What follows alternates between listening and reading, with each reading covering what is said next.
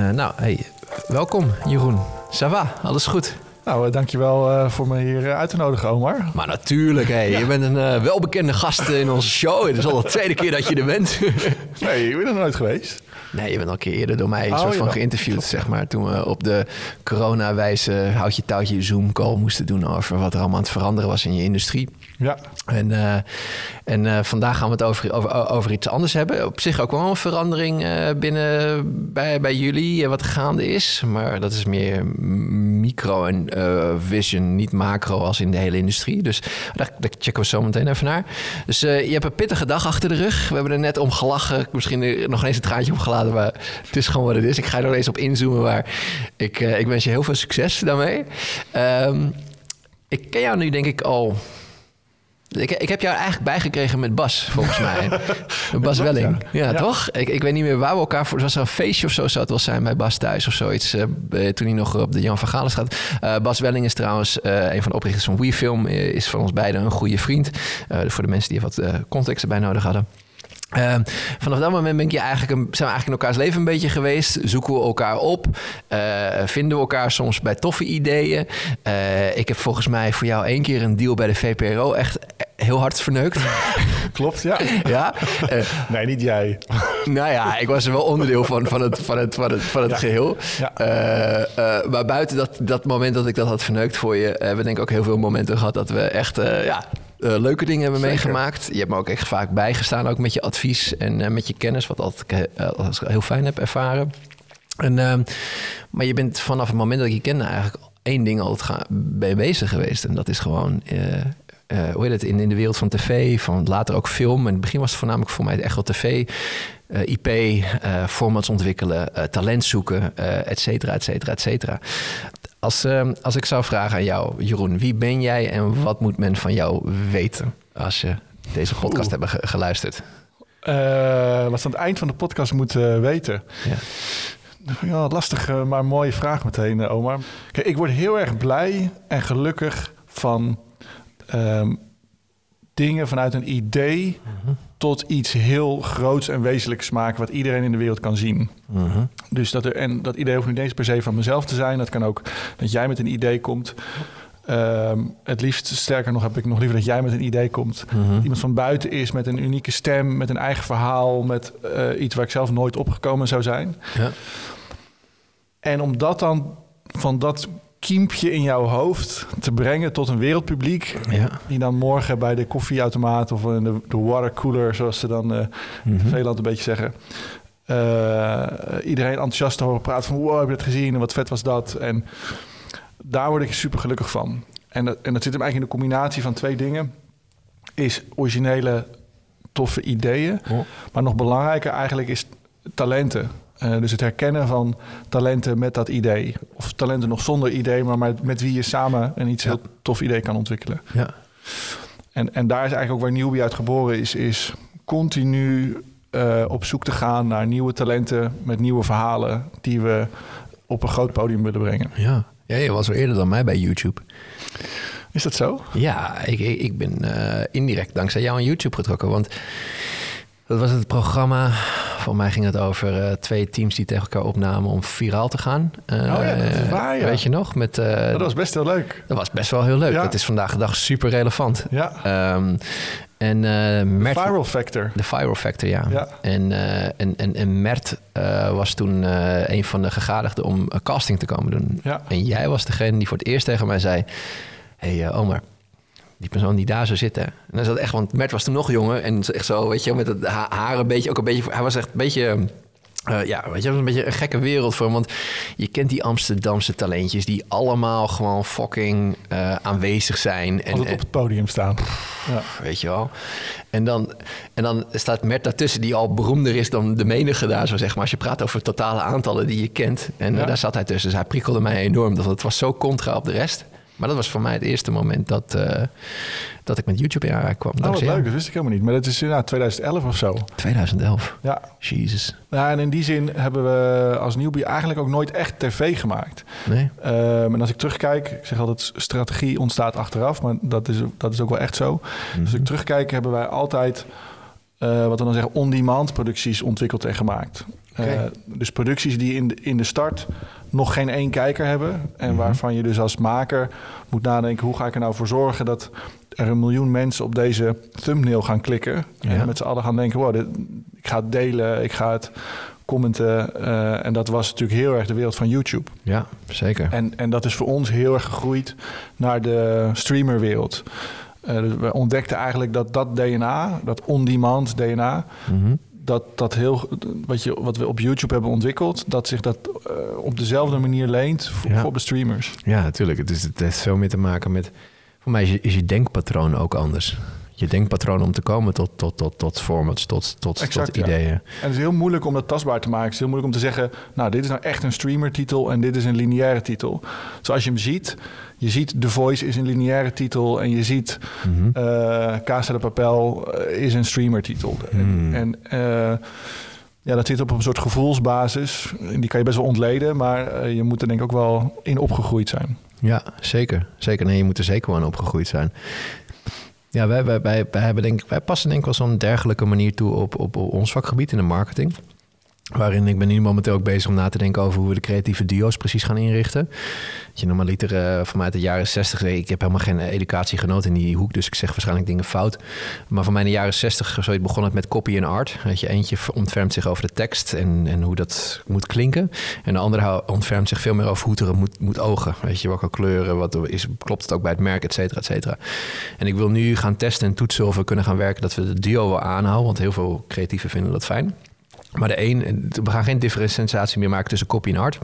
De enige differentiatie is, jij bent de advocaat van de klant en jij bent de advocaat van de audience die het moet gaan ontvangen. Waardoor je elkaar zeg maar super scherp houdt. Dat je niet, want vaak gaat het fout vind ik in, creëren en dat is misschien ook weer met tv denken, dat je dat gaat maken naar wat je denkt dat de klant of wat, wat, wat de opdrachtgever wil zien. En die andere is, je begint veel meer vanuit wat wil het publiek zien. Als je kijkt naar hun behavior, als je kijkt naar het totale ehm, scala aan dingen die hen wordt aangeboden, als je kijkt naar de metadata die voornamelijk aanwezig is, et cetera, of wat op trending is enzovoorts, en dan ga je daar dan ben je veel meer bezig met echt wat, wat de kijker wilt in plaats van Ja. het huis. Tenminste, dat is wat wij dan toepassen. Maar Ja, misschien is het heel klinkt- anders. Klinkt mooi en, eh, en heel waar. Ja. Ehm, we- wij hebben heel weinig verstand van, van klanten, zeg maar aan de zin, we doen niks met merken en branded dingen. Ja. Ehm, maar wij redeneren wel exact hetzelfde altijd eh, eh, 100% vanuit de kijker. Dus Ja. voor, wie gaan we dit maken? Wat vinden zij ja, voor jullie zijn klanten Videoland of een, of een, eh, Ja, een maar die omroep volgen of op de kijker. Dus, eh, dus Ja. wij zijn er wel van overtuigd dat als we een idee hebben... waarvan wij zeker weten dat het in die doelgroep gaat passen... is het eigenlijk alleen nog maar zoeken naar welk platform bedient die doelgroep. Ja, En dan moeten ze het wel willen hebben. ja. Vet man. Gaaf. Goeie dingen. Dus, eh, en, ja, en Newbie is, bedoel, eh, als ik weet nog wel waar het... Jeetje, wat was dan het eerste kantoor wat ik van jou kende? Was dat op Jolemanhof? Dat je... dat was die Fire Effect. Ja, die eh, Fire Factory was daar natuurlijk. Ja, die casting. Ja, klopt. Dan heb je een woonde je ook eh, toen toch nog... Oh nee, Bas Bas woonde, daar Bas woonde daar. Ja, ja, jezus, het wordt echt zo'n insider ding trouwens. Even voor de, voor, de, voor de luisteraar thuis. De Fire Effect, dat was een format, Ja. 2011. Eh, twee teams. Ik kan eigenlijk nog bijna de promoteksten... eh Oh ja? Ja, dus de twee teams van jonge creatievelingen gaan de strijd met elkaar aan... om in 24 uur de best bekeken viral te maken. Ja, dat was hem, ja. En, en dan kwamen ze een week later bij elkaar... en dan wie de meeste views had, die won. Ja, En dan eh, daar hadden we een pilot voor gemaakt voor... eh, nou ja, voor iedereen die dat wilde. En, en een van die twee filmpjes die er toen in die pilot gemaakt was... was Denise ja, van, eh die, van die van Bruut. ja. Die eh, in zijn team die hadden toen een viral gemaakt... waarin ze een soort fake Justin Bieber hadden... Ja, klopt, ja. En Klopt. die had dus echt daadwerkelijk in die pilot volgens mij, nou, weet ik veel, 200.000 views Zoiets, in ja. 24 uur. Maar ging die op Dumpert wel lekker Ja, en, eh, en dat kwam dan ook in een blad. En, eh, en toen weet ik wel dat ik naar Cannes ging, dus de, de formatbeurs in Zuid-Frankrijk. En dan had ik dat magazine mee en had ik de tape van dat format. En dan ging ik het in het vliegtuig al pitchen. Toen kwam ik dan een gast tegen van de Avrotros. Ja. En dan zei ik, nou kijk, staat hier in het blad. En, eh, en, eh, en die zei toen, oh, nou, dat wil ik wel hebben. En toen had ik dus voor mijn gevoel Ja. bleek dat dat in de praktijk nog een stuk weerbarstiger was. Maar, eh, dus dat was, dat was op zich een heel goed format. Maar dat is nooit gekomen. Dus dat is... Maar ik heb het wel één keer op tv toch gezien. nee. Nee. Hè? Ik heb, was dat Jim Tayoteru er ook niet in, in een van die teams? Of was dat weer een ander format? Dat nee, nee, dat was de Oh. Truman Show. oh ja, oké, kijk, kijk, ik toen daarna, een. Pien en Vara zei toen, ja, we hebben dit. Ja. we gaan niet dit doen, maar je mag wel dit maken. Oh ja, oké. Om nou, politiek, hè. Dus. Ja, maar als je dan kijkt van waar je vandaan komt... bedoel, je begon echt uh, nou, met, je, met, je, met je bedrijf, denk ik, uh, op kleinere schaal, zeg maar. Ik bedoel, ja. voor mij was het... Wat was je eerste, de eerste bezetting? Was jij plus? Ik in mijn eentje. Jij in je eentje, toch? En bij Jolemanhof, toen zaten er op een gegeven moment drie, vier mensen vast, zeg maar, uh, achter hun desks. Ja. En nu zit je, uh, nou, denk ik wel dat je een van de meest uh, pionierende productiehuizen bent, als ik, of tenminste contentproductiehuizen bent van, van, van Nederland. Ja. Ik bedoel, ik zie je naam echt en Newbie echt overal oppoppen.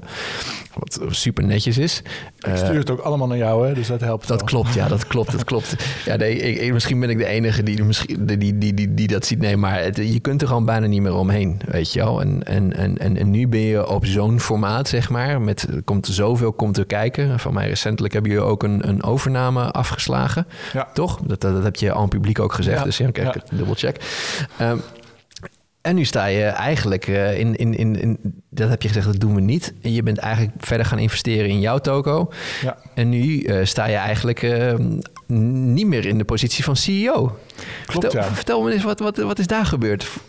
Ja, ja, het grappige, ik had gisteren dus iemand aan de lijn en uh, daar had ik het even terloops mee over. En zij zei van, uh, ja, ik weet niet zo goed, ik las het nieuws, maar ik weet niet zo goed of ik je er nou mee moest feliciteren of niet. Ja. Ik zei, nou, onwijs mee moet feliciteren, want ik, ik voel het echt als een van de leukste en fijnste beslissingen die ik in heel lang uh, als ondernemer heb gemaakt. Mm -hmm. uh, maar het kwam voort uit een traject wat begon met een inderdaad een oriëntatie of we niet een stuk van Newbie moesten verkopen. Ja, ja, dat was eigenlijk het startpunt. Mhm. Mm -hmm. En uh, dat begon anderhalf jaar geleden al. Uh, en wij werden elk jaar wel eens benaderd met de figuurlijke kopjes koffie. Hè. Dus dan heb je een partij die belt en die zegt... Uh, zullen we eens een kopje koffie doen? Mm. En uh, dat hebben we heel lang afgehouden. En op een gegeven moment dacht je... ja, je bent ook ondernemer. En dan denk je, nou, misschien is dit wel het moment. En we gaan inderdaad hartstikke goed. Dus laten we die kopjes koffie is inderdaad niet afslaan. Mm -hmm. Maar laten we het dan wel echt ook serieus optuigen. Dus laten we er een serieus traject mee doen. En toen hebben we PwC ingeschakeld. Uh, nou, dat is best een corporate, uh, ja. maar overigens een prettige partij. Die tussen ons en de markt fungeerde als een soort uh, tussenpersoon. dus okay. zij helpen je dan in het oplijnen van je cijfers en je presentatie. En je zette hen al aan de slag op het moment dat er nog niet een concreet afspraakje stond voor een kopje koffie? Of nee, nee, er waren heel veel. Uh, oh, er waren, die waren... Sterker nog, er waren echt uh, nou, tussen de vijf en tien uh, wow. geïnteresseerde kopjes koffie, zou je kunnen wow. zeggen. Vet. dus zij hoefden niet de markt op om te gaan checken van goh, wie wil. Maar dat was eigenlijk meer ja. hun op een goede manier nou ja, oplijnen, zou je kunnen zeggen. Ja. en dat is best een heel, ik vond het een heel intensief traject. Want je, je wordt gedwongen met een soort buitenstaandersblik naar je eigen bedrijf te kijken. Mm. Terwijl je ondertussen nog gewoon je eigen bedrijf te runnen hebt. Uh, dat groeit en uh, waar van alles gebeurt en waar nieuwe mensen bij komen. En het is een beetje een dubbele baan eigenlijk. Dus, je, dus je hebt het oppoetsen van de auto aan de, aan de, aan de buitenkant. Mhm. Mm -hmm. En aan de binnenkant uh, ben je ook nog eens een keer heel hard aan het racen. Zeg maar, ja, zo voel je ja, het een ja, beetje. Ja. En dan uh, was het ook wel eens zo dat je dan nou ja, bij wijze van spreken aan zo'n geïnteresseerde partij uh, de auto laat zien, de, de metaforische auto. En nog net dat kleine laatste oh, ja. vlekje wegpoetst. Ja. Terwijl als je dan in die auto gaat zitten, dat het een soort totale chaos uh, was. Ja. Um, uh, en dat traject heeft heel lang geduurd en dan kwam corona, uh, onderbrak dat. Wat is lang in deze? Anderhalf jaar. Anderhalf jaar, ja. ja. En dat kwam met name door corona. Dat, dat kwam en dat was de markt ging natuurlijk heel even op slot. Mm -hmm. En toen hebben we besloten dat traject ook te stoppen. Uh, maar wij gingen eigenlijk als, vanuit Newbie, omdat wij dus volledig op die streamermarkt zitten. En, en die markt groeide eigenlijk alleen maar in corona. Is dat we heel snel uh, wel weer in business waren. Mm -hmm. En sterker nog, vorig jaar koersten en ook inmiddels hebben gehaald. Uh, dat we dachten, dit wordt gewoon alsnog ons beste jaar ooit. Vet. Uh, en toen dachten we, nou, misschien moeten we dit traject dan toch maar weer oppakken. Het traject van het verkopen. Het verkopen. Dus jullie stopten toen corona hitte eventjes de, dat traject... omdat je dacht, uh, het is allemaal even on unlock. Uh, ja. Niemand weet en zometeen verkopen misschien te goedkoop. Ja, precies. En nu zag je, het gaat omhoog. Dus laten ja. we weer... Oké, okay, ja, duidelijk. Ja. En we hadden eigenlijk drie doelstellingen met... want het is niet de bedoeling om Newbie helemaal te verkopen en uh, zoek het uit. Mm -hmm. het, was, het moest ons vooral verder brengen als bedrijf. En we hadden eigenlijk drie doelstellingen. We wilden internationaliseren... Mm -hmm. Dus grotere internationale producties door deze deal weten te kunnen maken. We, we, waren heel erg op zoek naar een soort professionalisering van de interne organisatie. Dus we voelden dat we daar een soort next step in wilden maken. Mm -hmm. Uh, en daarbij als gevolg van die, van die twee elementen eigenlijk uh, uh, zeggen, nog meer geld in het bedrijf om, om te investeren. Dus misschien zelf overnames te kunnen doen, naar het buitenland kantoren te openen. Vet. En dat was het doel. En dan ga je die gesprekken voeren met die partijen. En dan ga je dat natuurlijk ook heel erg pitchen. En dan op een gegeven moment ga je daar ook heel erg... Ja, wordt dat ook nog meer een soort self-fulfilling prophecy. Maar aan het eind van vorig jaar hadden we, zonder die deal gemaakt te hebben... hadden we eigenlijk... We hadden onze eerste grote internationale productie al ja. verkocht. Dat was de Heartbreak High uh, reboot. Oh ja, natuurlijk, ja. Um, sterker nog, ik realiseerde me toen... Ik had het met Tarek, mijn eh, partner, over... van um, als wij nu die deal al gemaakt hadden, had misschien zelfs Heartbreak High niet doorgegaan. Hmm. Omdat je dan net met de verkeerde partij in zee bent, die Ja. niet de juiste partij is Om te doen. om deze productie mee te doen. Ja. Ehm, en, en, en als bedrijf groeiden we en eh, ons klantennetwerk groeide. Dus we, we dachten op een gegeven moment maar, oké, we zijn dit nu ingegaan, maar waarom doen we het eigenlijk? Zeg maar, wat wilden we hier eigenlijk nou eigenlijk mee bereiken? En, en toen besloten we, ja, fuck it, misschien moeten we het gewoon niet doen. Hmm. En toen hebben we dus wel een aantal biedingen gekregen. Dus want dat traject was nou eenmaal opgeleid. En toen ook besloten daar niet op terug te komen. Dus niet een soort toch onderhandeling in te gaan, maar echt gewoon dan vanuit een soort eigen kracht te zeggen. eh, Dit, eh, fuck it, of fuck it, eh, maar eerder van yes, Ja. ga gewoon zelf doen. vet. Alleen, ik voelde wel heel erg eh, afgelopen jaar ehm, dat in de groei van het bedrijf, zo'n afgeslagen verkooptraject, dat mijn rol. ehm, kijk, je bent ondernemer, net als jij. Je, je, sta- je start het vanuit een, eigenlijk een creatieve visie. Mhm. Want ik wil iets, wil iets maken, ik wil iets bewerkstelligen bij een publiek. Ja. En als je bedrijf groeit, onvermijdelijk word je er ook, eh, of je nou wil of niet, word je ook ineens directeur. Ja. Ja. nou, ja, ik, vind het woord al bijna vervelend, maar de, Ja. En dat heb ik me ook nooit benoemd. En ik heb ook nooit de baas gespeeld bij Newbie of zo. Volgens mij zag niemand me ook zo. Maar Nee. op een gegeven moment moet er wel een baas zijn. Ja. Eh, als je eenmaal zoveel mensen hebt en er gaat zoveel omzet door je bedrijf... En Zeker. dan moet er iemand zijn die Het baasje is, ja. het baasje Ja, is. Ja, zeker. ja. Eh, en die dat op zorgvuldige en goede en professionele manier... met, met oog voor strategie en oog voor de mens doet. ja. En, en ik voelde dat, dat kon ik tot op zekere hoogte... Mhm. Eh, maar er zat een soort limiet aan. Eh, Mhm. Althans, een limiet als ik tegelijkertijd ook dat creatieve stuk wilde doen. Ja. En toen dacht ik, ik moet gewoon gaan kiezen. Ik moet of het een doen of het ander. Mhm. Daar vol voor gaan, maar dan iemand anders vinden voor die andere positie. Ja, ja. En, en, en, En toen dacht ik, ja, dat was eigenlijk vrij snel, wist ik wel. Dat moet, daar moet ik een... eh, wil ik naar het creatieve stuk, dan moet ik een... iemand vinden die zeg maar de day-to-day operations wil doen en de hoofdlijnen voor. ah, ja. Ja, En, en, en voordat we dan eh, bij eh Boudewijn heet hij Ja, toch? ja, Eh, aankomen. Nou, wat ik nog interessant vind is, bedoel, überhaupt nadenken over je toko verkopen. Iets wat, waar je je eigen identiteit, je eigen DNA... Ik bedoel, jij bent niet iemand die, eh, eh, die, die, die van zijn van ouders iets heeft gekregen... of die iets opvolgt. Dit is echt helemaal gewoon autonoom uit jou ontstaan... dat jij deze kant op wilde gaan. Dus het is ook wel iets wat, wat heel dicht bij je staat. En dat krijgt dan, dat wordt ook deel... Dat is je eigen baby, dat wordt nogal meer dan een baby. Maar überhaupt, die, dit, dat, ja, is dat niet spannend om zo je eigen baby zeg maar te verkopen? Of, of, of, of- Ehm. ging dat makkelijk omdat het misschien meer in lijn stond wat je zegt met die drie punten, waardoor je het heel makkelijk kon bedenken van oké, we moeten doen omdat we dan dat kunnen bereiken met de baby? nou, het is een mooie vraag. Ehm, kijk, ik, ik denk als het nog voelt als een baby dat het makkelijker is.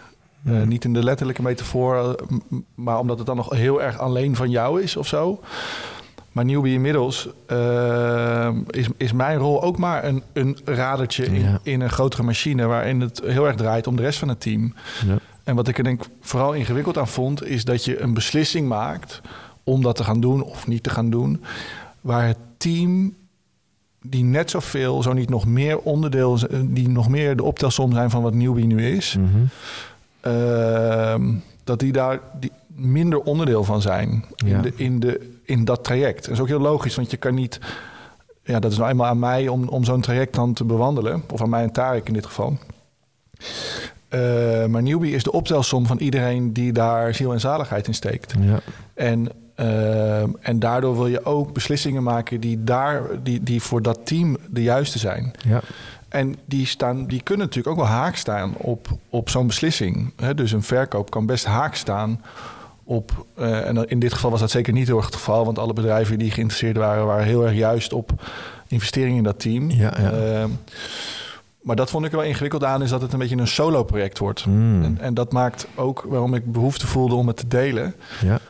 Um, ik, ik heb dus dat hele traject gefilmd. Ja. Dat verkooptraject in een soort videodagboekvorm. Omdat je best wel vaak... Nou ja, ik ben zo gewend om alles samen te doen met het team... en beslissingen samen te nemen en uh, te luisteren. En hier ja, ben je ineens... Bijna aan het buiten houden. Het voelt bijna niet ja, ja, integer of zo. de auto. Uh, voelt het ook bijna alsof het niet integer is wat je... je... Ja, zeker. Nou, ik kreeg ook wel eens terug van... we hebben het gevoel dat we niet van alles op de hoogte zijn. En ja. dacht ik, ja, dat is ook zo. Ja. Maar ja, om jullie nou mee te nemen in elke stap... die ook tot niks kan leiden... geeft ook een heel hoop on, on, zeg maar, ongevraagde onrust. Ja, zeker. En uiteindelijk is het denk ik ook goed... want we hebben het niet gedaan. En dus, maar zij wist het pas dat het speelde... buiten, buiten je partner Tariq om... Uh, dat het... Um, pas het speelde op het moment dat je zei, we gaan het niet doen? Nee, nee, eerder. Ik heb het, okay. uh, het kernteam eerder van op de hoogte gebracht. Okay. Kijk, omdat de redenatie was... als je op een gegeven moment met, met vijf, zes, uh, zeven partijen extern gaat praten... en dan kunnen ze allemaal een NDA tekenen... Maar wat je niet wil, is dat je kernteam van iemand anders aan jou hoort van... goh, ik hoorde dat jullie uh, ja. in de etalage staan. Ja, ja, en dan het niet het juiste verhaal krijgen. Dus nee. ik wilde hun dat wel eerder vertellen... dan dat we ging, extern gingen presenteren. Maar toen heb ik wel gezegd van ik ga jullie pas echt meenemen als het ook echt uh, dit is all you need to know. Maar je gaat ze niet in alle ups en downs daarvan meenemen. Dan hebben ze ook helemaal geen enkele. Dat, dat voegt niks toe voor de dagelijkse business. En is het, is het ik voelde dat, ik vond dat wel ingewikkeld, ja. Uh, het, het keren van het, van, het, van het tij, zeg maar. Hoe, was dat spannend, zeg maar? Op een gegeven moment dat je toch zei van... ik kies voor mezelf, ik kies voor newbie, ik kies voor... Of had je meteen van... Nou, nou ik, ik denk uiteindelijk de kiezen voor mezelf en voor newbie en het team één keuze is. Ja, ik bedoel, dat, is één, dat bedoel ik als één keuze. Maar dat je, dat je dus al die partijen die er zeg maar... die lekker hebt lopen maken... of die hebben betrokken zijn geweest, et cetera... dat die dan te horen krijgen, nou gaat het toch niet doen. Of is dat, hou je dat nul rekening mee? Boeit niet. Uh, nee, nou, het was 100% de juiste beslissing voor newbie en iedereen. Ja. En ik denk dat het eerder dat dat ook. slecht nieuws was voor de geïnteresseerde partijen. Ja. Die er, het is natuurlijk ook voor hun. Voor, zij hebben ook tijd en moeite en, uh, uh, in dat traject gestoken. Ja, dan bedoel ik dat besef, weet je, dat je dat dan. Ja, daar had ik wel minder moeite mee. Ah. Okay. omdat ik ook zo zeker wist, dit is de juiste beslissing. Ja. En met mij Tarek. En het voelde ook heel krachtig om naar het team te kunnen zeggen van... hey, jongens, we gaan gewoon uh, met dit, dit is de groep met wie we verder gaan. Ja.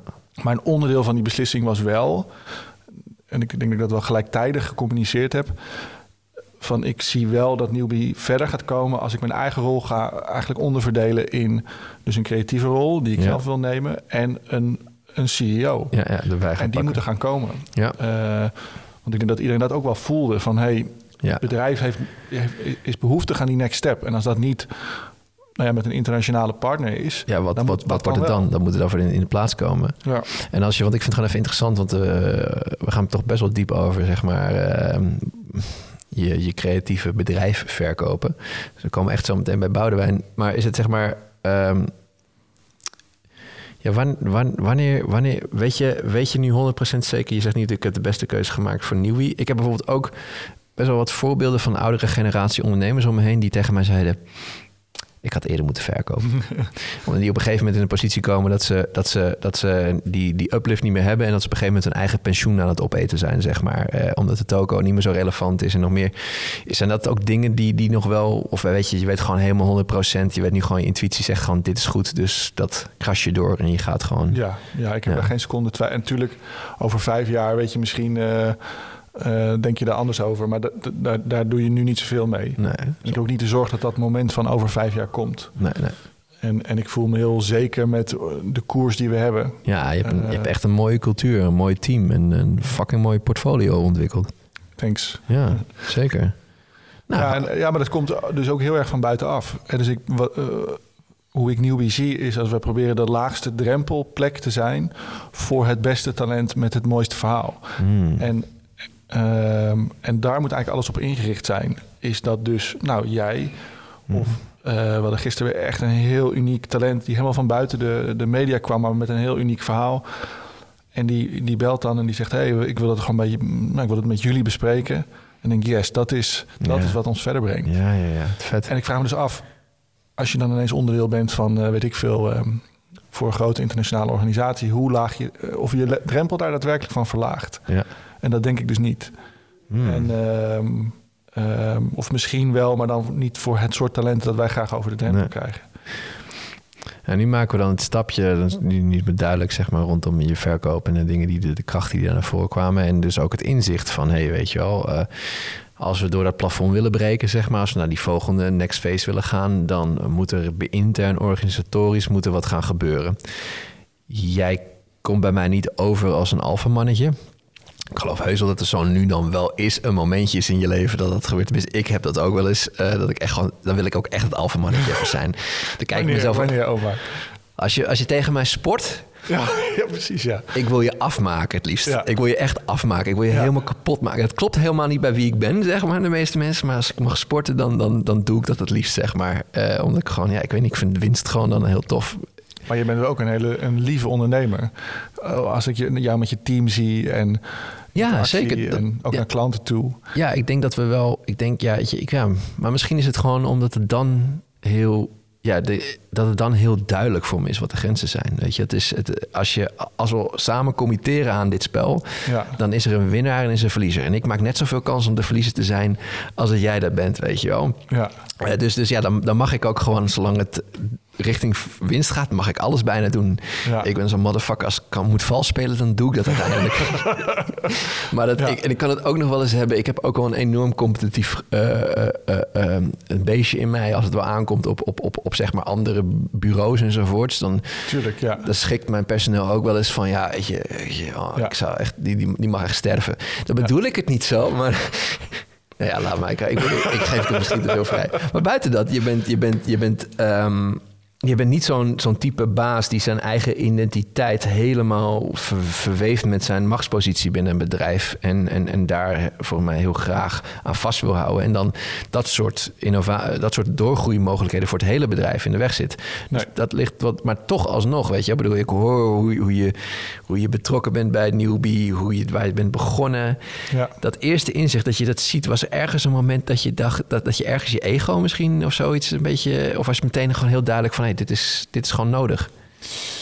Eh, nou, ik geloof sowieso dat ego over het algemeen een slechte raadgever is. Mhm. Eh, en natuurlijk heb ik er ook wel eens last van. Maar het, is een langer proces. Dus het is niet dat je van de ene dag op de andere denkt... nou, ik ga nu mijn eigen rol opsplitsen in tweeën. Ja. Ehm, ik denk dat het starten in dat verkoopproces...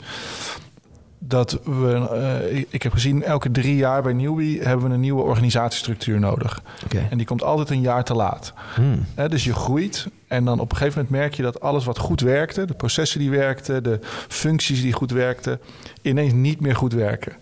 En dat ben je altijd, tenminste doorgaans, ik was altijd te laat. En dan denk je, oh shit, mensen moeten op een andere positie, of er moeten mensen bij. Of, Ja, dat kostte twee keer zoveel tijd waarschijnlijk ook. ja, en dan, en dan eh, of is er te veel stress, of er gaan dingen niet goed. Ehm, en dat is te maar als je elk jaar zoveel groeit, dan kom je dus op een punt dat het systeem dat er stond niet meer werkt. Ja. En ik voelde al wel heel sterk, we zijn weer op zo'n punt beland. Eh, er gingen een aantal dingen niet goed, vond ik. Ehm, we- zijn op zoek naar een, eh, een nieuwe organisatiestructuur. Maar dan ga je dat eigenlijk op papier. En dat was niet alleen ik die dat zei, eigenlijk het hele team zei dat. Volgens mij zijn we weer op dit punt. We moeten Mhm. structuur. En dan ga je tekenen. En dan denk je, oh ja, oh ja, volgens mij is die toch het beste hierin. En moeten we die rol opsplitsen in twee. En misschien moeten we er twee divisies van. Nou, en dan ga je doorrennen. En op een gegeven moment kom je bij je eigen positie. Ja. En dan, nou, dan zie je jezelf en denk je, ja, ja, dan moet ik dus leiding gaan geven aan die, die en die. En dat teams, wat hebben die nodig, die teams? Ja, toch wel dit, dit ah. hmm. En dan voel je, Mhm. ah, dat, misschien ben ik dat niet. Mhm. En dan heb ik in eerste instantie had ik ingetekend iemand onder mij. Dus iemand die eigenlijk dat allemaal ging doen, Ja. maar dan namens mij. Ja, ja, ja. ja. Managing director. Mhm. Ehm, maar denk ja, dan komt die managing director als die er niet uitkomt. Wat gaat hij doen? Die gaat dan, dan naar mij rapporteren. Ja. En ik ja, ik zeg gewoon een verplaatsing van het probleem. Ik denk, als je hier toch ru- rukzichtloos een Mm. echte beslissing wil maken, gewoon een hardcore beslissing, dan moet je er iemand neerzetten die je dan ook het mandaat geeft. Dus eh, vertrouwen en mandaat van, ga het maar doen. Ja. Ehm, en dan ga ik mezelf intekenen als ja, eigenlijk de ondernemer. Dus eh, nieuwe vestigingen openen, nieuwe grote Ja, films ja. bedenken, eh, het creatieve team aansturen. Ehm, en, en, en dat was wel een inzicht. en dat gaat dan toch ook wel een beetje gepaard met dat je tegelijkertijd iemand ontmoet waarvan je denkt, hé, hey, die zou dat misschien wel eens kunnen zijn. Oh ja, ja, ja, ja. En, uh, want anders bedenk je dat misschien niet. Dus, dus het was eigenlijk bij jou vanuit zeg maar dat dat, dat opnieuw optekenen en dat je dan het overzichtje ziet en je komt dan bij je eigen rol en dan ga je wikken en wegen. Was het ook deels voor jou een soort van bevrijdend deels ook dat je dacht van hé, hey, dat kan mij ervoor zorgen dat ik me nog meer kan vrijspelen op de dingen waar ik echt een Eigenlijk wel. Ja. ja, bevrijdend voelt eh, is het juiste woord. Ja. En ze voelt het nu ook. Ik heb afgelopen, ik heb nu drie weken dus de CEO. Mhm. En ik heb in de eerste week vond ik wel spannend, maar ik heb bijvoorbeeld de afgelopen anderhalve week nog nooit zoveel geslapen. Ja. dat klinkt dan, maar zeg maar gewoon tot rust, echt letterlijk tot rust komen. Ja. Uh, en dat je echt voelt van wow, ik heb ineens zoveel rust en ruimte in mijn hoofd. En ik heb ineens hele toffe nieuwe ideeën. We hebben nieuwe producties aan het oplijnen. En ik voel heel veel ruimte ontstaan tot die drive. Ja. En ik ben wel gedreven. Hè, dus mijn ego zit hem eerder dus in het initiëren dan in het in het de baas zijn. Ja, ja. Uh, en dus, dus daar voel ik Ja. dan nu wel heel veel drive voor. Ja, ja, ja, initiëren van nieuwe dingen, nieuwe kansen, nieuwe mogelijkheden. En dat is eigenlijk ook per definitie eh, misschien wel de succesfactor voor een hele lange tijd geweest van, van Newbie. Het durven doen van nieuwe dingen, nieuwe Exact. kans pakken. Want Ja. de rest die doet de norm. En Ja. en, ja. Nou ja, en daar kom je, daar kom je nou end mee. Mhm. Maar op een gegeven moment, eh, daar kom je ook maar zo ver mee. ja. En, ehm, en, en nu voel ik aan alles dat we op een punt staan waarmee we daar eh, weer nog heel veel, heel veel grote stappen kunnen gaan zetten. Vet man. Ja, Super gaaf. Dus dan, eh ah ja, dus het ging, dat beet niet aan je ego of het- Al snel kwam het besef van, hey, dit is juist ook bevrijdend voor mij. ja. Heb jij iets, heb jij, want ik bedoel, je bent dit bedrijf best wel jong begonnen. Eh, toch? Ik bedoel, dan was je eh, eh, 26 denk ik. 26 of zo. Ja. Dus ehm, ja, het is wel, um, ja, vind ik wel een jonge leeftijd om te kijken, om te zien waar het bedrijf nu al is. Weet je wel? Ik bedoel dat het bedrijf nu, hoe lang bestaat nu? Elf jaar? Tien, tien jaar. Tien jaar, tien jaar. Maar eh, waar heb jij jouw manier van denken en doen als leider op de werkvloer dan ontwikkeld? Ja, dat is wel een mooie vraag. Eh, de aldoende. Aldoende. Ja. En ik denk dat ik ook wel... Ik heb wel ontdekt dat ik gelukkig goed ben in het herkennen van andermans talent. Mhm. Sterker nog, ik, denk dat, ik hoop dat dat een van mijn... eh, een van de weinige dingen is die ik echt goed kan... is van andere mensen vaak nog eerder dan ze het zelf zien... Ja, voelen van... hey, die, potentie. die gaan dit kunnen. Ja. Ehm, en ik heb daardoor in de groei van Newbie best wel eh, ook al snel veel verantwoordelijkheid gelegd bij andere mensen. Mhm. Dus we hadden vorige week een soort surprise party, of party niet, geen eh, party in coronatijd, maar eh het was een verrassing voor mij georganiseerd in deze context van, eh, van deze stap. Mhm. En dan waren er allemaal medewerkers die, die in een video wat verteld hadden over Ja. hoe ze naar Newbie kijken en zo. En daar, nou, daar, daar sprak wel heel veel, inderdaad, die vrijheid uit. Ja. Ehm, maar dat is ook gewoon omdat ik dan dacht, ja, ik, ik kan het niet. Ja. En ik zie in jou talent, dus ga maar doen dan. ja, go. Ehm, en, ehm, en, en, en daarom zeg ik, Newbie is echt de optelsom van al die talenten. Mhm. Want het meeste werk ligt bij al die mensen. Ja. Die nemen die verantwoordelijkheid. En die nemen ook, en die voelen ook, als het goed is, de ruimte om risico te nemen. Mhm. En daar ontstaan de mooie dingen. daar ontstaan er, en er gaan ook wel eens dingen mis. Ja. Maar ontstaan in ieder geval, eh, er gebeurt wel wat. ja, maar je hebt niet echt een opleiding gehad als bedrijfskunde of whatsoever. Nee, of, zeker eh, niet. Nee. Je bent het gewoon maar gaan doen. Nee, ik ben wel veel jonger. Ik ben op mijn negentiende wel begonnen met ondernemen. Ja.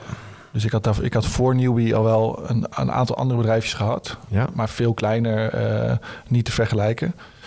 Dus ik, ik- het ondernemen aan zich eh, weet ik niet beter. Nee. Dus dat ik was bedoel, nooit- let's say dat je van je 19 tot 26e gewenning hebt gehad met de kamerverkoop, Ja, handel, boekhouding, precies. zeg maar de basisfactoren. Ja. Maar als je praat over zeg maar je rol in een team en een, leider zijn op de werkvloer, dat heb je eigenlijk gewoon zelf moeten creëren. Je hebt er niet echt cursussen voor gedaan of whatsoever. Nee. nee, waardoor we denk ik wel ook een eigen eh, cultuur hebben. Ehm, we hebben wel eens dat we mensen aannemen van, die van- vanuit een andere vergelijkbaar bedrijf komen. Mhm. En die dan zeggen, wow, jullie doen dit echt totaal anders dan ik gewend ben. Of dat ik ook maar ergens gezien heb. En dat is geen bewuste keus. Het is niet dat ik gedacht heb, nou laten we dit eens helemaal anders doen. Ik, het is gewoon gegaan zoals ik op dat moment dacht. Nou, eigenlijk zoals jij zegt, net, eh, we gaan de creativiteit, of we gaan de creatieve teams opsplitsen in de Ja. klantadvocaat en de, en de, Ja. en de publieksadvocaat. Ja. Dat heb je niet uit een bedrijf, uit een studie ontwikkeld. Dat heb je omdat je dat voelt en omdat je denkt, hé, hey, het zou maar eens kunnen werken. Ja, het is denk ik ook een klein beetje. Bedoel, ik, ik zit in het reclamevak of marketingvak. We noemen onszelf een marketingbureau. Ik heb geen enkele opleiding genoten om, om, om dat te leren. Dus ik denk ook wel deels dat is ook al. Denk ook weer een voordeel helemaal als het bedrijf iets is waar je passie bij ligt. Want dan, dan, dan ben je er 24-7 mee bezig. Ja. Dat zijn zelfs de dingen waar andere mensen proberen te vluchten op Instagram van hun werk. Uh, duik ik juist in nog meer dingen die mijn werk tof vind, weet je wel. Zoals uh, weet je, als het gaat over marketing, als het gaat over sociolo sociologische dingen, whatever enzovoort. Alleen wat ik wel merk is dat doordat ik het zelf heb moeten leren. En ik ben best wel lui, denk ik. Dus ik hou ervan, zeg maar, om de meest efficiënte Goeie manier ondernemer is lui. Ja, toch? Ja. ja, het betekent niet dat ik niet... Ik, ik, ik stop zeker wel de uren erin. Maar ik hou, ik hou niet van onefficiënt te werk gaan. Dus ik, ben, ik moet super oprecht bezig zijn met het zoeken naar de beste oplossingen voor alle problemen die er aankomen. En ik denk dat mensen die bedrijfskunde en al dat soort dingen doen, die hebben heel veel dingen vanuit de theorie en dan een soort van frameworks waarbinnen ze moeten gaan, gaan nadenken wat ze aantreffen en hoe ze dat moeten oplossen. Wat ook heel goed kan werken.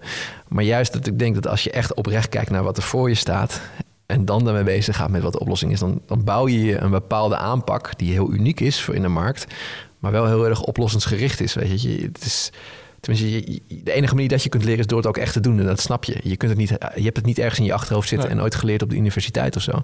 Nee, maar zoals je zegt, wat je wel nodig hebt dan, is passie voor dat wat je aan het doen bent. Zeker, 100% ja. Want anders is het ook het, is namelijk, ja, het geeft dusdanig ups en downs. Mm. je moet het wel heel leuk vinden. Ja, ja ik, moet, ik kwam erbij. Ik bedoel, je zag Kobe Bryant op de muur.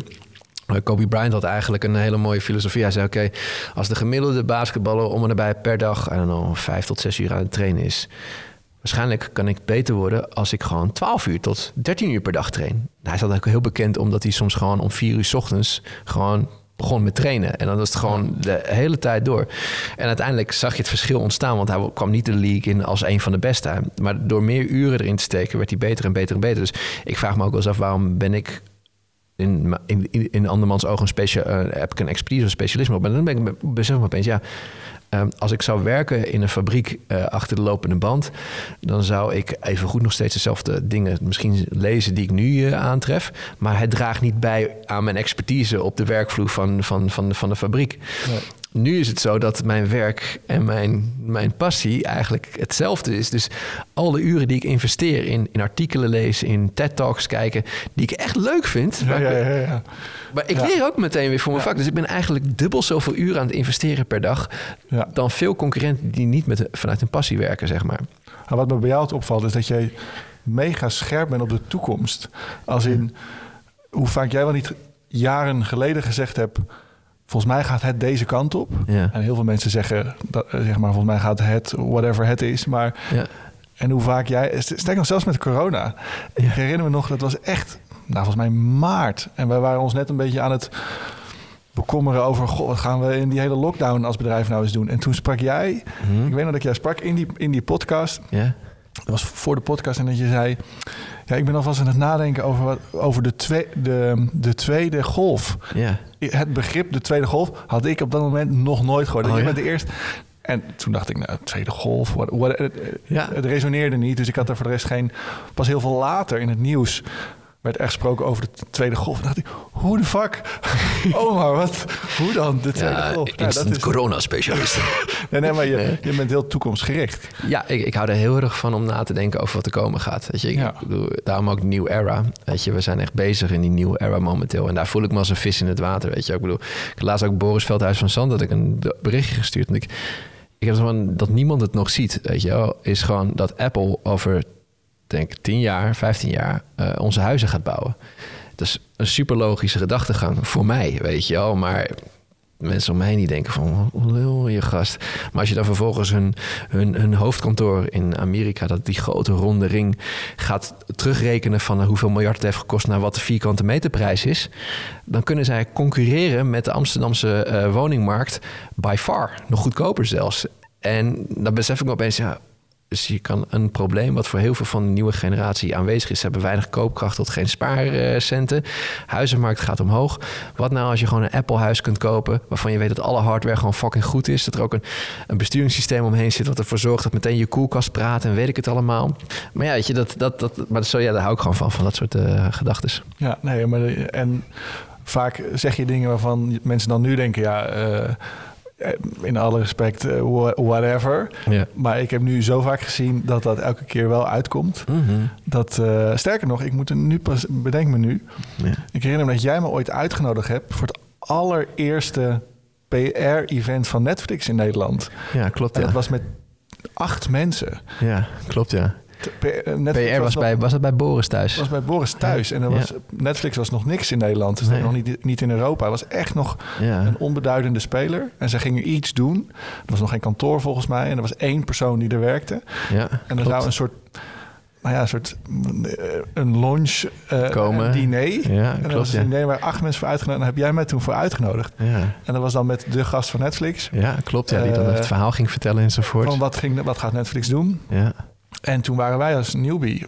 eh, nog een op YouTube gespecialiseerde producent. Ja, ja. Met het Ah, ja. sluimerende plan. Jij, jij verbindt mij aan YouTube, ik verbind jou aan Netflix. Ja, ja, dat is echt. eh, Ik, had echt, ik, was, ik had echt toen zoveel Netflix-passen, joh. Ik werd toen helemaal kapot ja, die gestalkt. kon je dan uitdelen aan de. aan allerlei mensen, van mensen als DJ Chesto en Nicky Romero die erachteraan kwamen gerend. Want die wilden het ook gewoon. Dat was zo, super hot. Ja. Ja, super, ook super tof.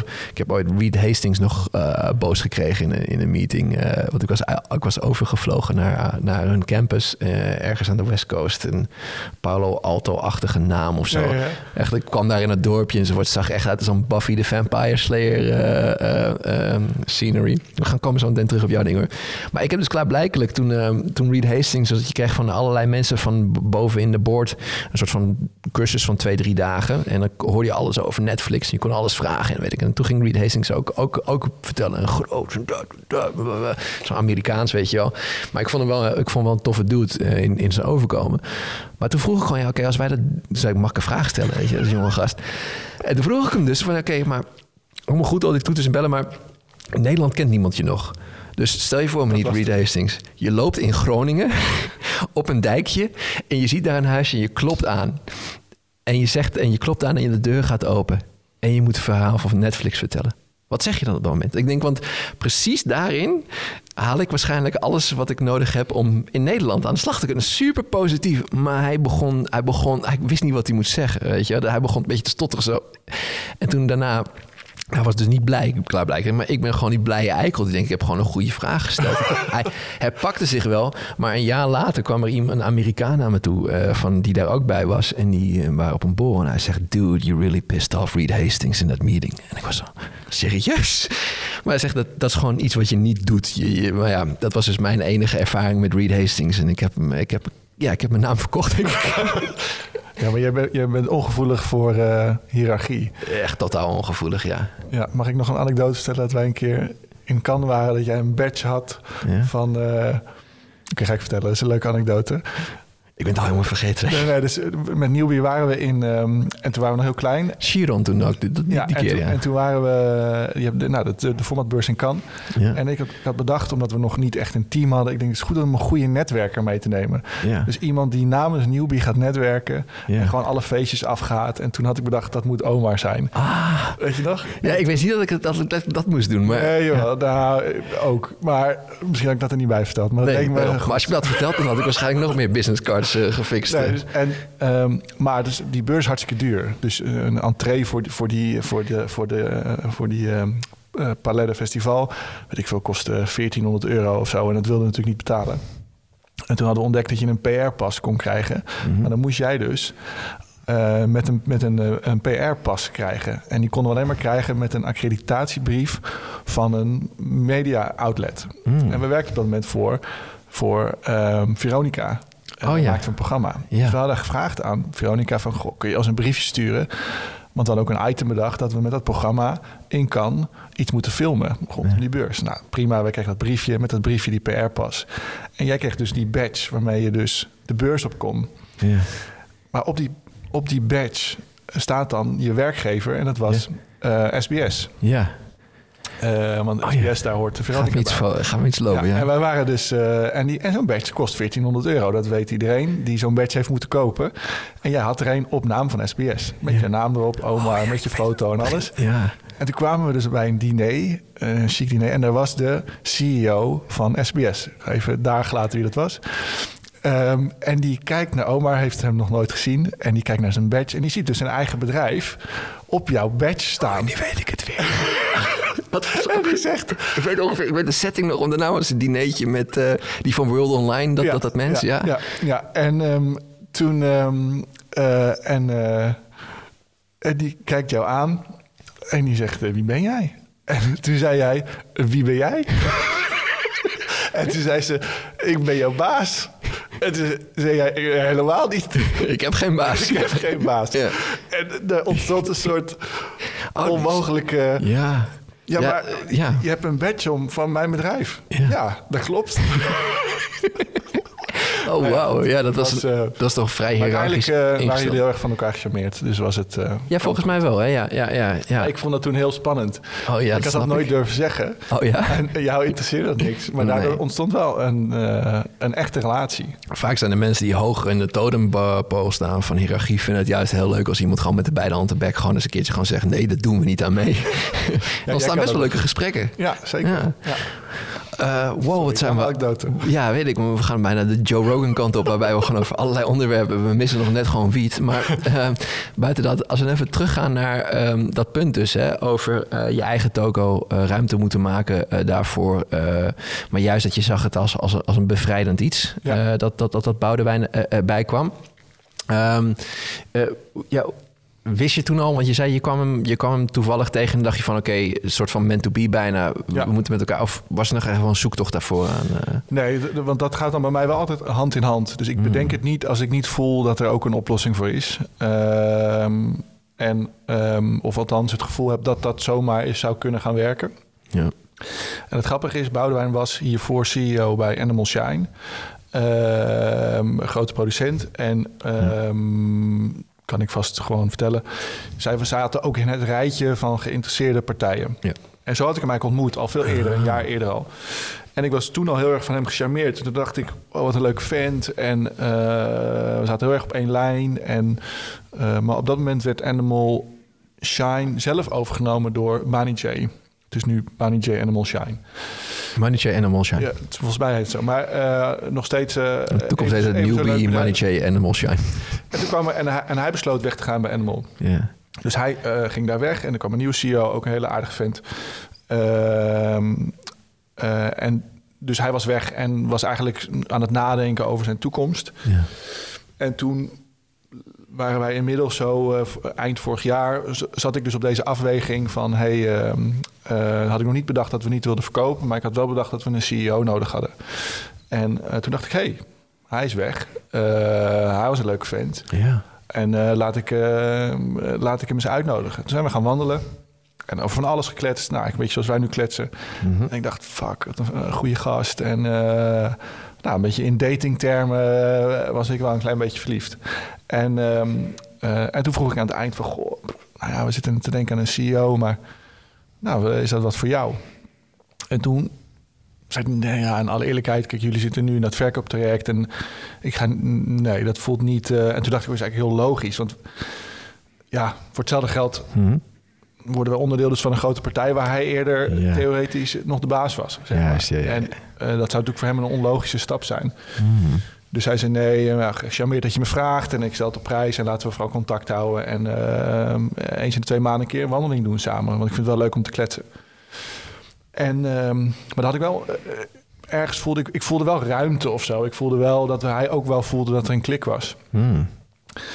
En, ehm, en, en toen eh, besloten we niet te verkopen. En toen besloot ik, we moeten wel de CEO hebben. En toen dacht ik wel meteen, hé, hey, maar we hebben nu besloten het niet te doen. Het Ja. is een opportunity om hem weer opnieuw te vragen. Ja. En, ehm, en, en dat had ik, er- dus dat had ik al op bedacht. Van, hey, als wij dat niet doen, dan Ja. kunnen wij hem... En er was nog maar de vraag of hij het dan wilde. Ja. Nou, toen nog heel tijd gekletst. En toen heb ik hem dus weer benaderd. En toen stond hij daar erg voor open. En toen hebben we verder gekletst en gekletst. En ehm, ja, en dat voelde gewoon heel erg goed. We zijn, we zijn heel erg like-minded. En ehm, eh, hetzelfde gevoel bij, bij waar Newbie naartoe kan groeien. En hoe je dat moet doen. En Ja.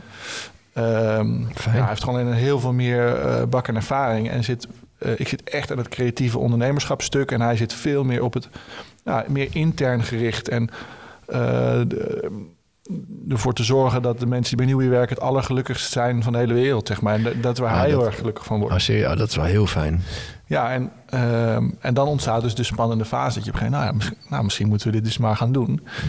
Ehm, en daar dan ook wel all the way in te gaan. En dan krijg je dus, zo heb ik dat echt ervaren, dat je dus dan... Ik was 100% zeker en ben 100% zeker over, over, over hem en over zijn rol nu binnen Newbie. Ehm, en hij is ook partner geworden, hè? dus het is ook niet eh, zomaar alleen maar dat een baan. ook. Het is echt, Ja. eh, Ja, dat leek me ook de enige manier voor Ja. iemand van zijn eh Zeker, ja, formaat. anders is dat ook... Nou, dat is ook het enige wat wij te bieden hebben, zou je kunnen zeggen, als, als, als, groei, als groeibedrijf. Ehm heel veel het enige, laat ik zo zeggen, uitzonderlijke... wat een, wat een grote corporate niet te bieden heeft. En dan, ga je, dan moet je hem dus introduceren aan, aan je team. Ja, En het voelt dus een beetje alsof je je nieuwe vriendin... waar je heel erg verliefd op Ja. gaat voorstellen aan je dat ouders. is je nieuwe papa. Nee, maar ook aan je ouders en je vrienden. Ja. En dat je dan denkt, oh shit, ik hoop niet... dat mijn neefje iets geks gaat zeggen. Of Oh, ik hoop ja. niet... Ja, ja, Oh, dan gaat die natuurlijk weer dat. En dan, ja. want iedereen wist per 1 maart komt, komt de CEO. Ehm, en, ehm, en dat iedereen ervaart dat ook wel als een soort nou, start van een nieuwe fase. Maar zijn er dan de dingen die je dan spannend vindt dat iemand zegt eh, aan publiek op het moment dat hij wordt gepresenteerd? Of meer gewoon eh, één op één daarna bijvoorbeeld? Dat Die met... Nee, eh, nee, één op één daarna. Ja, niet, niet alsof er geheimen zijn of zo, want ik, ben, ik deel... Nee, maar, is er iemand in jou... is- Ik ben wel benieuwd dat je het dan presenteert. Ik kan snappen dat het best wel kwetsbaar Het voelt. voelt kwetsbaar, ja. Ja, en dat Ja. is het dan meer van dat iemand zegt... weet je, daar moet een in. Weet je, is het zeg maar het platte, zeg maar... maar- Whatever. whatever. Ja. Dus dat moment vond je gewoon spannend. Of, of dat mensen echt gewoon een soort van hun, hun, ter- hun terrein in wilden beschermen. Of een... eh, Nee, ik denk dat je, als ik het zou vergelijken, je hebt, je hebt een nieuwe vriendin. eh, Ja. Daar ben je heel erg verliefd op. Je bent er zeker van eh, dat jullie samen verder willen. ja. En dan ga je met je hele familie, die je ook heel erg hoog hebt zitten en waar je net zoveel van houdt, Ja. ga je zeggen: we gaan nu met z'n allen op vakantie. Ja. En misschien ga ik zelf niet eens mee, maar jullie gaan Oh, met ja. z'n allen op vakantie en dat je, en dat je zelf thuis zit. Ja. En dat je dan denkt: oké. Oké, maar wat, Ja, ja. wat gaat mijn moeder zeggen? Ja, ja, en, ja, en, maar eh, vinden ze elkaar wel leuk? Ja. Eh, want je wil Ja. heel graag dat dat werkt. Ja, dat ook. En je hebt natuurlijk ook een bepaald idee verkocht aan hem. eh, waar je in hoopt natuurlijk dat dat beeld meteen klopt bij de Exact, eerste ja. keer dat je hem En vice versa. En vice versa natuurlijk, ja. ja. Vice versa. Dus, en, dus dat is, en gelukkig pakt dat heel goed uit nu. En voel ik dus heel veel rust ontstaan. Echt Ja. in, in lichaam en geest. Fijn man. En, eh, en daar stuurt hij heel erg op. Ik merk ook dat hij stuurt op mijn rust. En, en dat is best wel heel... Dat is natuurlijk voor mij nieuw. Mm. Is dat er iemand anders is die ook stuurt op je eigen rol. Ja, ja. Ehm, en, ehm, en, en dat ervaar ik echt als heel eh, bev- ja, bevrijdend. Klinkt wel heel erg alsof het daarvoor... Lijkt me ook eh, heel verschrikkelijk was, wat ondersteunend. Helemaal niet zo, maar het ondersteunend, ja. Ja, bedoel, bedoel, ik bedoel als je... het is, want hoe, hoe, hoe, hoeveel ouder is hij dan jij? Hoeveel meer jaren ervaring heeft hij Tien jaar. Tien jaar meer. Ja, maar Ja. wel eh, hè, dus eh, 15 jaar bij Animal Shine gezeten. En daar dus...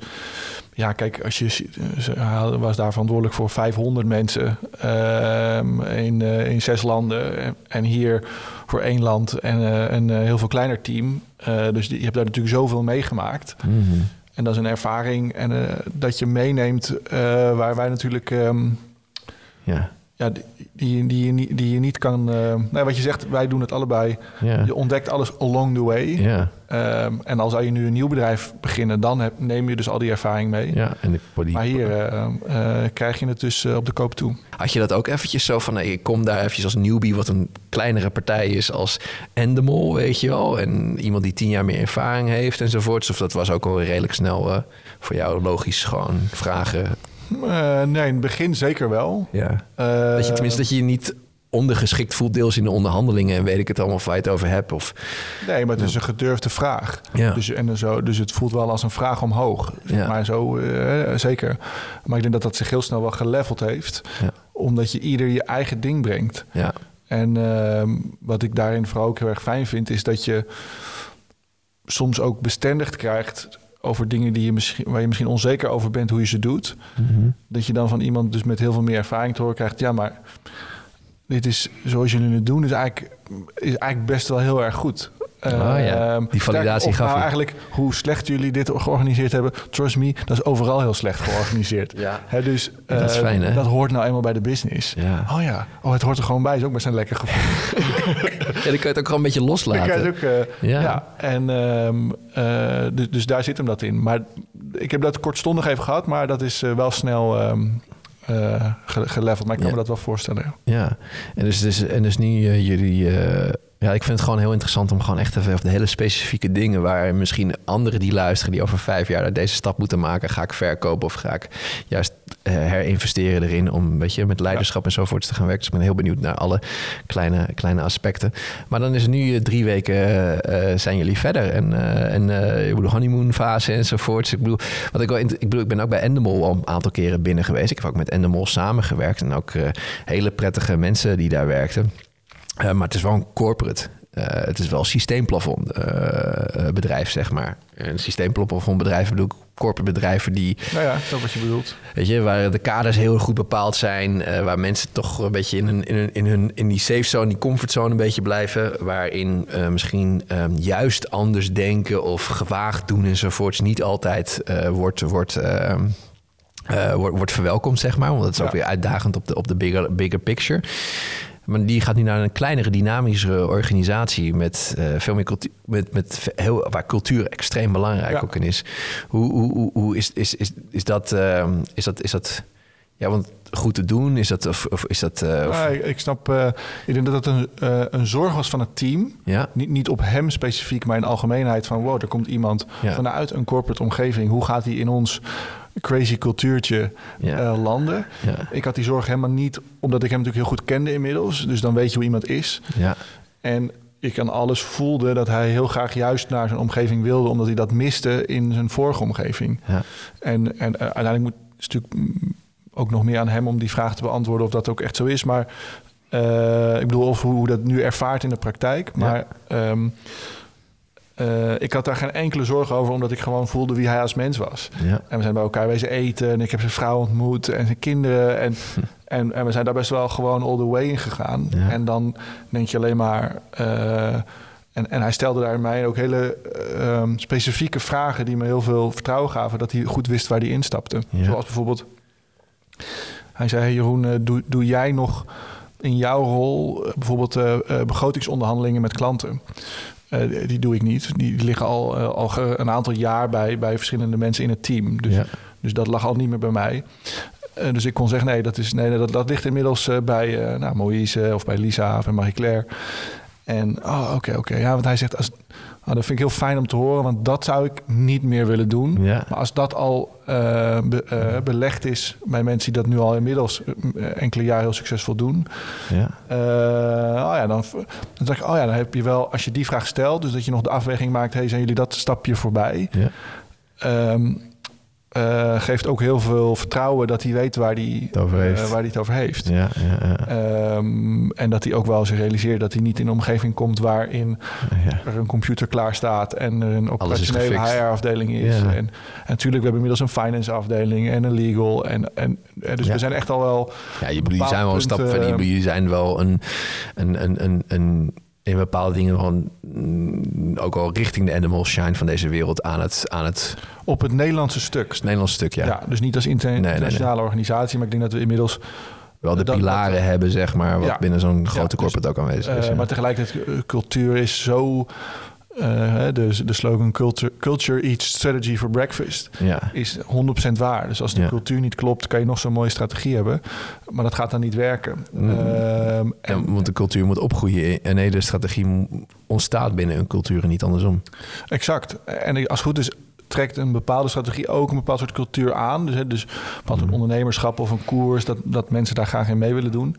Tegelijkertijd is cultuur ook niet meer dan de optelsom van Ja. alle individuen die er werken. Ja, En hij brengt nu ook cultuur met zich mee. ja, En hij wordt ook omarmd door de mensen eh, eh, van wie die cultuur tot op dat moment was. ja, ja. ja. En dat is wel heel leuk om te zien, is dat daar heel veel omarming... en ik word echt gebeld door, eh, door teamleden van... oh, we zijn zo blij en we, hebben een goede keus gemaakt. En, en dat is natuurlijk wel heel... ehm.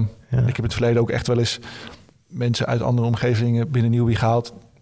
die na drie dagen al zeg maar echt eruit lagen. Ja. Niet letterlijk, maar gewoon... Ja, dat je merkt gewoon, dit gaat niet fitten. Ja, dus, en eh, nou, Dus, eh, dus je bent, succesvolle honeymoon fase. Succes, nou, dat, is hartstikke mooi om te horen. Ja, nee. eh, en, en, en, en dus je hebt er eigenlijk gewoon iemand ook aangenomen die slimmer is, is, is dan jou op bepaalde punten. Zeker. Ja, Ja. dat is ook niet een. Ja, dat is, ik bedoel, ik weet eigenlijk het antwoord al bij jou, zeg maar. Maar dat zijn wel dingen die ik interessant vind om aan te halen. Want dat is ook wel iets wat ik, wat ik, wat ik om me heen zie gebeuren. Dat, dat mensen moeite hebben om mm, zich te omringen met mensen die gewoon slimmer zijn dan henzelf. Ik bedoel, ze- Ja, maar ik denk tegelijk dat je zelf dan weer iets anders te bieden he- hebt... waar zij dan blijkbaar enthousiast Ja. van raken. Ja. Ehm, en dat je zo... Ik vind het zoiets fascinerends dat een bedrijf is zo op een gegeven moment een eigen eh, organisme... wat helemaal een eigen ontwikkeling krijgt. En Ja. ben je, ja, wat ik al in het begin zei, daar ben je ook maar een radertje in. ja, zeker, absoluut. Eh, en natuurlijk, als je het ooit hebt gestart, een ongetwijfeld belangrijk radertje. Maar inmiddels ook gewoon een radertje. En ehm, eh, ehm, nou ja, dat voelt ook dat voelt heel warm of zo. En dat je denkt, hé, hey, wauw, daar kan, ik, daar kan ik heen en daar kan ik weer ja, daar kan ik me aan opwarmen. Eh, maar soms moet je er ook heel erg voor zorgen. Ehm, en dan haal ik iemand bij die dat nog groter, tot een nog mooier organisme kan maken. ja, ja. Ah, goede dingen, man. Want ik zit even te kijken naar de tijd. Zo één uur eh, hebben hebben we voorbij. Holy shit. Een slotvraag. ik vind het wel leuk, gewoon eventjes om eventjes. Want ik, ik vind het, ik denk namelijk wat ik wat denk ik voor luisteraars ook fijn is om te horen, zeg maar, hoe vaak je ego wordt uitgedaagd om beslissingen te maken en dergelijke. Ik heb laatst dus iemand aangenomen die, ik, die meer gaat verdienen dan ik in mijn eigen toko. Ja. Is dat, is dat bij jullie ook toevallig zo? Of ik mag nog ineens een vraag, hoor, dat mag ook hoor. Maar was het ook makkelijk voor jou om te doen, zeg maar? Gewoon, gewoon je kunt alles... Mijn vraag is, zeg maar, niet spe- specifiek hem hoor, maar is het überhaupt een keer gewoon gebeurd bij jou dat je gewoon dacht van, weet je, dit talent wat we binnenhalen, als we het binnenhalen, verdient het meer dan mij. En dat is ook helemaal prima. Ja, ja, daar ben ik ook helemaal niet zo mee bezig. Nee. En, en gel- geld is, is een, een meting van succes, maar is, ik doe het eh, zeker niet voor het geld. Nee. En eh, nu is het natuurlijk wel zo dat... Ik denk als ondernemer zit er wel een groot verschil tussen... je hebt, je hebt een salaris, maar je bent ook eigenaar en je hebt de aandelen. Ja, dus dus als wij andere- winst maken, is het nou eenmaal of ik nou wil of niet... Ja, heb ik daar het meeste aan. ja, Dus, ehm, dus daar vind ik vergoeding helemaal eh, onbelangrijk in eigenlijk.